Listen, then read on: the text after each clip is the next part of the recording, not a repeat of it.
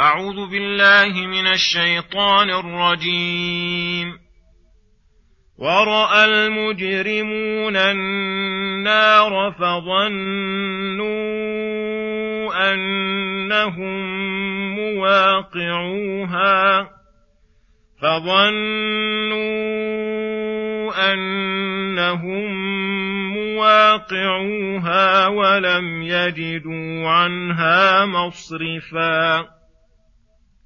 ولقد صرفنا في هذا القرآن للناس من كل مثل وكان الإنسان أكثر شيء جدلا وما منع الناس أن يؤمنوا إذ جاءهم الهدى ويستغفروا ربهم إلا أن تأتيهم ويستغفروا ربهم إلا أن تأتيهم سنة الأولين أو يأتيهم العذاب قبلا. وما نرسل المرسلين الا مبشرين ومنذرين ويجادل الذين كفروا بالباطل ليدحضوا به الحق واتخذوا اياتي وما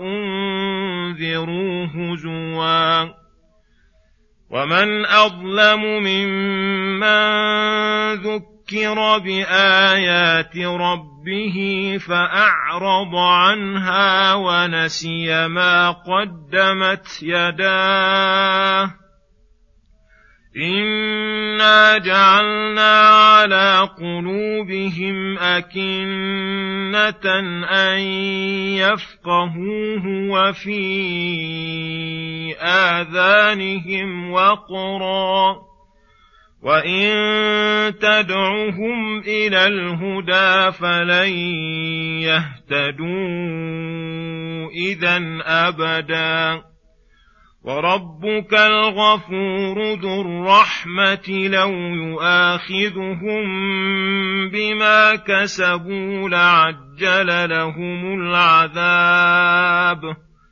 بل لهم موعد لن يجدوا من دونه موئلا وتلك القرى اهلكناهم لما ظلموا وجعلنا لمهلكهم موعدا. السلام عليكم ورحمة الله وبركاته. بسم الله الرحمن الرحيم. يقول سبحانه وراى المجرمون النار فظنوا أنهم واقعوها ولم يجدوا عنها مصرفا. أي لما كان يوم القيامة وحصل من الحساب ما حصل وتميز كل فريق من الخلق بأعمالهم وحقت كلمة العذاب على المجرمين فرأوا جهنم قبل دخولها فانزعجوا واشتد قلقهم لظنهم أنهم مواقعوها وهذا ظن قال المفسرون إنه بمعنى اليقين فأيقنوا أنهم داخلوها ولم يجدوا عنها مصرفا. أي معدلا يعدلون إليه ولا شافع لهم من دون إذنه وفي هذا من التخويف والترهيب ما ترعد له الأفئدة والقلوب. ثم يخبر تعالى عن عظمة القرآن وجلالته وعمومه وأنه صرف فيه من كل مثل أي من كل طريق موصل إلى العلوم النافعة والسعادة الأبدية وكل طريق يعصم من الشر والهلاك ففيه أمثال الحلال والحرام وجزاء الأعمال والترغيب والترهيب والأخبار الصادقة النافعة للقلوب اعتقادا وطمأنينة ونورا. وهذا مما يوجب التسليم لهذا القرآن وتلقيه بالانقياد والطاعة وعدم المنازعة له في أمر من الأمور. ومع ذلك كان كثير من الناس يجادلون في الحق بعدما تبين ويجادلون بالباطل ليدحضوا به الحق. ولهذا قال وكان الإنسان أكثر شيء جدلا. أي مجادلة ومنازعة فيه مع أن ذلك غير لائق بهم ولا عدل منهم. والذي أوجب له ذلك وعدم الإيمان بالله إنما هو الظلم والعناد لا لقصور في بيانه وحجته وبرهانه وإلا فلو جاءهم العذاب وجاءهم ما جاء قبلهم لم تكن هذه حالهم. ولهذا قال وما منع الناس إلى قوله قبلا ثم يقول سبحانه وما منع الناس أن يؤمنوا إذ جاءهم الهدى الآيات أي ما منع الناس من الإيمان والحال أن الهدى الذي يحصل به الفرق بين الهدى والضلال والحق والباطل قد وصل إليهم وقامت عليهم حجة الله فلم يمنعهم عدم البيان بل منعهم الظلم والعدوان عن الإيمان فلم يبق إلا أن تأتيهم سنة الله وعادته في الأولين من أنهم إذا لم يؤمنوا عجلوا بالعذاب أو يرون العذاب قد أقبل عليهم ورأوه مقابلة ومعاينة. أي فليخافوا من ذلك وليتوبوا من, وليتوبوا من كفرهم قبل أن يكون العذاب الذي لا مرد له. ثم يقول سبحانه وما نرسل المرسلين إلا مبشرين ومنذرين. الآيات أي لم نرسل الرسل عبثا ولا ليتخذهم الناس أربابا ولا ليدعوا إلى أنفسهم. بل أرسلناهم يدعون الناس إلى كل خير وينهون عن كل شر ويبشرونهم على امتثال ذلك بالثواب العاجل والآجل وينذرونهم على معصية ذلك بالعقاب العاجل والآجل فقامت بذلك حجة الله على العباد ومع ذلك يأبى الظالمون الكافرون إلا المجادلة بالباطل ليدحضوا به الحق فسعوا في نصر الباطل مهما أمكنهم في إدح وفي إدحاض الحق وإبطاله واستهزأوا برسل الله وآياته وفرحوا بما عندهم من العلم ويأبى الله إلا أن يتم نوره ولو كره الكافرون ويظهر الحق ويظهر الحق على الباطل بل نقذف بالحق على الباطل فيدمغه فإذا هو زاهق.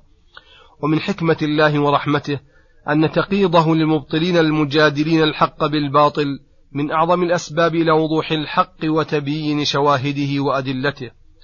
وتبين شواهده وأدلته وتبين الباطل وفساده فبضدها تتبين الأشياء. ثم يخبر تعالى أنه لا أعظم ظلما ولا أكبر جرما من عبد ذكر بآيات الله وبين له الحق من الباطل والهدى من الضلال وخوف ورهب ورغب فأعرض عنها فلم يتذكر بما ذكر به ولم يرجع عما كان عليه ونسي ما قدمت يداه من الذنوب ولم يراقب علام الغيوب. فهذا أعظم ظلما من المعرض الذي لم تأته آيات الله ولم يذكر بها وإن كان ظالما. فإنه أشد ظلما من هذا لكون العاصي على بصيرة وعلم أعظم ممن ليس كذلك. ولكن الله تعالى عاقبه بسبب إعراضه عن آياته ونسيانه لذنوبه ورضاه لنفسه حالة الشر مع علمه بها أن سد عليه أبواب الهداية بأن جعل على قلبه أكنة أي أغطية محكمة تمنعه أن يفقه الآيات وإن سمعها فليس في إمكانه الفقه الذي يصل إلى القلب. وفي آذانهم وقرا أي صمما يمنعهم من وصول الآيات ومن سماعها على وجه الانتفاع. وإن كانوا بهذه الحالة فليس لهدايتهم سبيل. وإن تدعهم إلى الهدى فلن يهتدوا إذا أبدا. لأن الذي يرجى أن يجيب الداعي للهدى من ليس عالما. وأما هؤلاء الذين أبصروا ثم عموا ورأوا طريق الحق فتركوه وطريق الضلال فسلكوه وعاقبهم الله بإقفال القلوب والطبع عليها فليس في هدايتهم حيلة ولا طريق. وفي هذه الآية من التخويف لمن ترك الحق بعد علمه أن يحال بينه وبينه ولا يتمكن منه بعد ذلك ما هو أعظم مرهب وزاجر عن ذلك. ثم أخبر تعالى عن سعة مغفرته ورحمته وأنه يغفر الذنوب ويتوب الله على من يتوب فيتغمده برحمته ويشمله بإحسانه وأنه لو آخذ العباد على ما قدمت أيديهم من الذنوب لعجل لهم العذاب ولكنه تعالى حليم لا يعجل بالعقوبة بل يمهل ولا يهمل. والذنوب لا بد من وقوع آثارها وإن تأخرت عنها مدة طويلة ولهذا قال بل لهم موعد لن يجدوا من دونه موئلا. أي لهم موعد يجازون فيه بأعمالهم. لا بد لهم منه ولا مندوحة لهم عنه ولا ملجأ ولا محيد عنه. وهذه سنته في الأولين والآخرين ألا يعاجلهم بالعقاب بل يستدعيهم التوبة والإنابة. فإن تابوا وأنابوا غفر لهم ورحمهم وأزال عنهم العقاب. وإلا فإن استمروا على ظلمهم وعنادهم وجاء الوقت الذي جعله موعدا لهم أنزل بهم بأسه ولهذا قال وتلك القرى أهلكناهم لما ظلموا أي بظلمهم لا بظلم منا وجعلنا لمهلكهم موعدا أي وقتا مقدرا لا يتقدمون عنه ولا يتأخرون عنه. وصلى الله وسلم على نبينا محمد وعلى آله وصحبه أجمعين وإلى الحلقة القادمة غدا إن شاء الله. والسلام عليكم ورحمة الله وبركاته.